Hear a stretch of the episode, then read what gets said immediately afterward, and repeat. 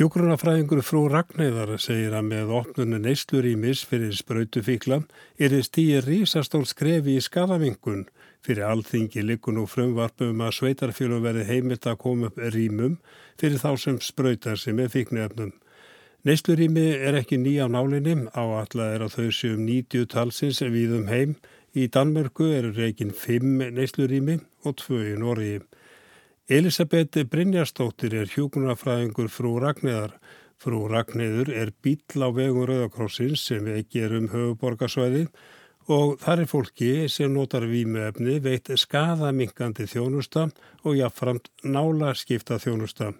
En nú er komið því að opna neyslurími. Neyslurými er í rauninni lagalega skilgrænt rými þar sem að er, um, þetta er örugt rými fyrir einstaklingar sem nota výmöfni í æð til þess að koma, uh, nota výmöfni í æð undir eftirliti starfsmanna sem geta þá uh, tryggt að þetta sé á sem örgastan máta, að allra, allra varúðar sé gætt, smitvarnir, uh, síkingar hætta sér lámörkuð og hætta á ofskömmturum sér lámörkuð. Þannig stuttumáli, kjarnin er bara örugt rými fyrir einstaklingar sem nota výmöfni í æð til þess að koma og nota í æð undir eftirliti til þess að tryggja öryggi þeirra. Í frumvarpinu kemur fram að hér á landi sé áætlað að um 700 manns spröytis í æð með ávanabindandi efnum. Hins vegar er ekki búist við að nema 25 til 40 nýti sér neyslurími hér verði því komið upp. Já, þetta er náttúrulega bara áætlun út frá því hvernig kannski reynslan er erlendis en uh, það er talað um að 700 manns áætlað séu að nota výmöfni í æð og bara staðrindin er svo að hópurinn sem notar í æðir rosalega fjölbreyttir og er á fjölbreyttum staði í samfélaginu og sumir einstaklingar eiga heimili þar sem að þau geta verið bara þar í örugur í með að nota í æð. Aðrir eru heimilislausir og það er kannski aðalega þau sem er verið að tryggja örugið fyrir sem þetta, þessir einstaklingar sem nota výmöfni í æð eru heimilislausir eiga engan örugan stað til þess að vera og að nota neyðast oft til þess að vera einhver staðar úti, finna sér einhverja reddingar og það er kannski fyrst og fremst þessi hópur sem er hugsað um þegar að vera að opna nýstlurými og þetta er viðkvæmasti og jáðasettasti hópurinn sem að verður oft mest útundan og þarna er verið að reyna að koma til móts við þeirra þarfi og þeirra öryggi. Gera sig grein fyrir því já, hver þörfun er mikil, er verið að tala um eitt nýstlurými á höfuborgarsvæðinu, eh, hvað er það stort og hvað þarf mikið starfsfólk? Já, við frú Ragnæði allavega höfum séð að síðustu árin hefur þjónustu þörfin hjá okkar skjólstæðingum aukist til muna og það, það hefur bara skjó, skjólstæðingafjöldin hjá okkur hefur aukist um hérna, þriðjunga milla ára. Um, við erum að áætla um 500 mann sem er að nýta þjónustun okkar í dag til dæmis og þjónustu þörfin er orðin þingri, þannig að hver og einn einstaklingur þarf miklu meira. Um, það er erfitt kannski fyrir mig að áætla þörfina í rauninni en ég held að auðvitað byrjunin væri neyslur í mig á höfuborgarsæðinu væntalega í Reykjavík um, þar sem að það væri fyrsta, fyrsta stopp en það eru, um, það eru einstaklingar í öllum sveitafélögum á höfuborgarsvæðinu sem að nota í æð við þjónustum allt höfuborgarsvæði í frúrakniði og það er þörf fyrir neyslurími þar alveg eins og í Reykjavík. Um, ég sé fyrir mér að fyrsta skrefið út að ég veit að Reykjavík hefur sínt þessu áhuga sem er algjörlega frábært og hafa verið að reyna að finna staðsetningu fyrir svona rými. Þannig að ég held að það fyrst, uh, það sem að kæmi fyrst en auðvitað vil ég sjá öll sveitafjöluðin skoða möguleika á svona starfsemi hjá sér.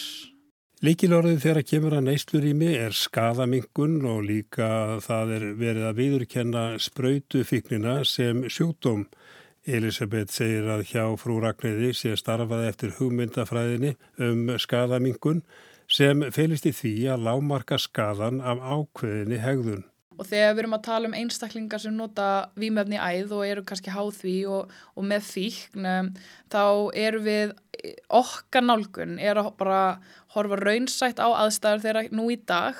Við erum ekki meðferðarúræði eða eitthvað svo leiðis, við erum til starf fyrir þau þegar þau eru í neyslunni og lámorkum skadan sem hlýst af neyslunni. Þannig að til dæmis við, við viljum koma í veg fyrir síkingar, við viljum koma í veg fyrir smitamilli einstaklinga, við viljum að bara neyslæðara sé á sem örgastan máta að séu litla líkur á of, ofskömmtun og döðsföllum og þegar einstaklingar, ef einstaklingar vilja síðan hætta nota þá getum við stutt við bakaðum og komið þeim á réttan stað sem tekur þá við af okkur.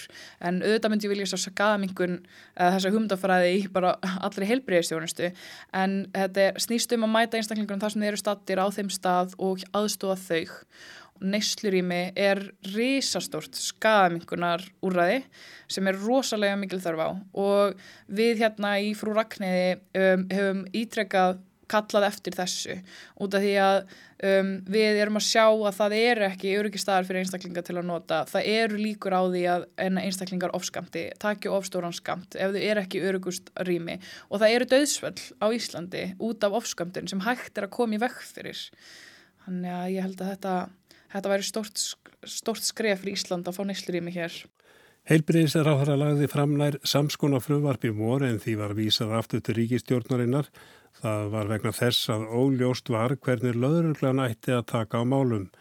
Það er ólöglegt að vera með fíknefna á sér. Spurningin er hvort fíklar eigi það á hættum að vera handteknir á leiði í neyslurými. Í nýju frumvarpi er ekki gengið skýrt frá þessum en talaðum að sveitarfélög ræði við laurugluna og komist að sankumulagi. Elisabeth segir að hort hafi verið til Norðurlandana þar sem hægt hefur verið að skilgreina neyslu skamta. Í frumvarpinu sem er núna lagt fyrir alþingi um, kemur fram að þau hafa í rauninni ekki ekki fundið þessa farsælu lausn og eru að horfa svolítið til Norðurlandaþjóðuna þar sem að Norðurlandaþjóðuna er standa frammi fyrir sama vanda, hvernig að skilgrina neyslu skamta Norðurlandaþjóðinar eru hættar við að ætla að fara að skilgrina það og stefna á frekar að afglæpa væðingu sem í rauninni þýðir að einstaklingurinn sem er háður vímuefnum og er með neyslu skamta á sig til einnota er ekki glæpa maður og er ekki að brjóta lög þess að fíknin er afglæpa vænt og þessir einstaklingar fá þá frekar aðstóð. Þetta er líka til dæmis mikil skadamingun og þetta virðist, mér, mér finnst það hljóma í frumarpinu eins og að þetta séu svolítið rökréttu næstu skref En fram að því þarf náttúrulega að vera gott samstarf við laurugluna, millir sveitafélag á lauruglu og það verði sett upp ákveðin fríðhelgi í kringum neyslurými sjálf og kannski eitthvað ratjúsvæði í kringum neyslurými að einstaklingarnir geti komið inn í neyslurýmið án þess að vera hrættir við að vera handteknir. Um, veist, auðvitað viljum við ekki að neyslurými fara að vinna gegn tilgangi sínum sem væri, tilgangurinn er að þau geta komið, vera á örugum stað og notað til að tryggja öryggeira. Við viljum ekki vinna gegn tilganginum að þau séu hrætt við að koma ángað út af lauruglunni og ég held að lauruglan sé sammála okkur um það að við viljum ekki vinna gegn, við, við vil, viljum vinna saman. Og það þarf að finna farsala lausni þessu. Þannig að einstaklingar geti komið, geti nýtt sér þetta. Og það er, ég veit að þetta frumvarp talar um að það sé nú lagalegt gildi eða það er núna staðfest í lögum að um, sveitafjölögin og lauruglan geti átt þetta samtal og og komist að niðurstöðum fríðhelgi fyrir skjólstæðingan okkar. Elisabeth segir að önnu Norðurlöndu sé að stíga það skrefað af glæpavæðanislum en finnst henni að slík ákvörðun blasi við hér á landi. Hún eh, segist ekki geta svarað fyrir höndu Rauðakrossins sem er hennar vinnuveitandi. En ég sem starfsmæður Rauðakrossins sem starfa í mikill í náví við skjólstæðingar sem eru háðir výmöfnum og hérna, eru í Ísari stöðu að eru í rauninni skilgrendi sem glæpa mér einn dag. Ég sem hjúkunarfræðingur sem starfa í náví við þau get sagt að þetta væri risastórt og mikilvægt skref bara fyrir þeirra mannréttindi að það verði, að það verði gæti orði umbylting í rauninni bara viðhorfi gagvart þessum hópi sem er viðkvæmur í samfélaginu, er jáðasettur og er oft bara neitað um þjónustu út af því að þau eru að brjóta lög þegar þau eiga að vera að fá miklu meiri og betri þjónustu. Og ég, ég sjálf segja að þetta væri rosalega mikilvægt skref fyrir Ísland og fyrir enna einstaklinga á Íslandi sem eru að nota vímefnjaðið. Sprautufíklar eru jáðarsettur hópur í samfélaginu. Ef neyslu rýmum verður komið upp hér á landi er nafnlend fyrir þá sem fá þjónustu þar. Þeir sem koma þanga geta til dæmis skráðsundir dullnefni. Þetta fyrirkomlag á líka við þá sem fá þjónustu hjá frú Ragnhiði. Forsenda þess að við getum starfað er trösti til okkar.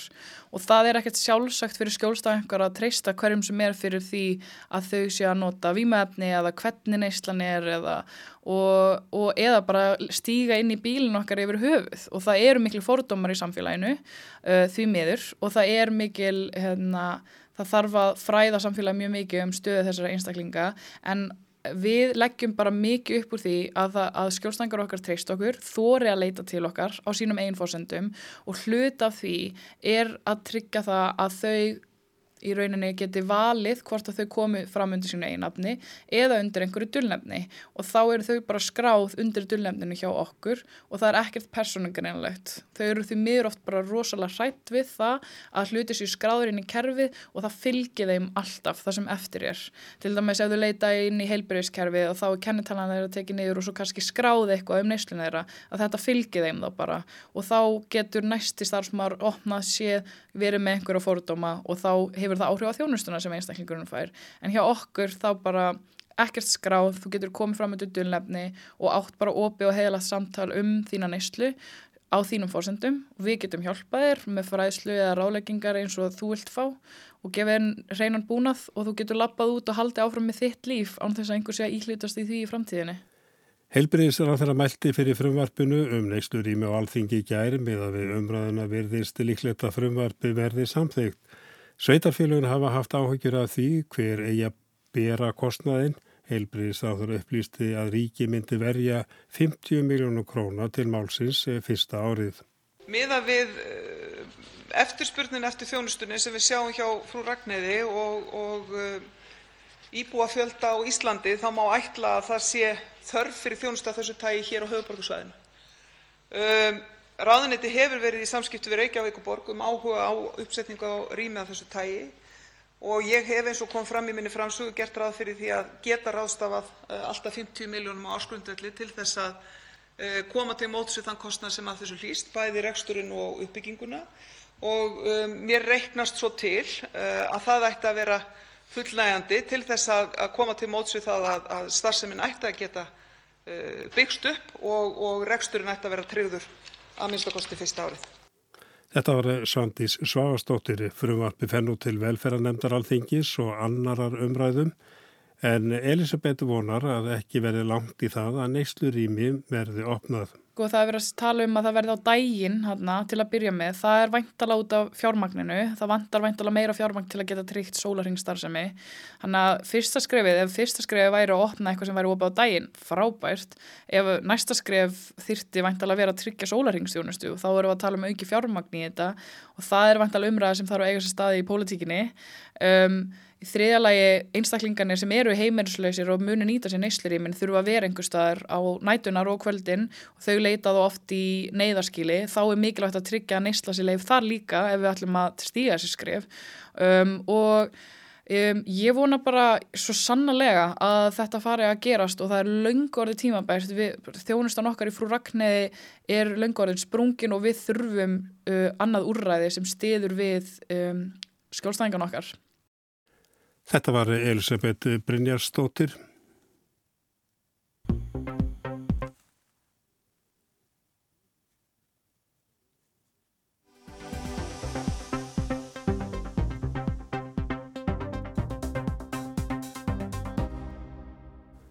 Kostningabaráttan í Breitlandi er rétt að byrja og það likur þegar í lottuna hún verði engar hörð og brexit áhrifin óútreiknanleg.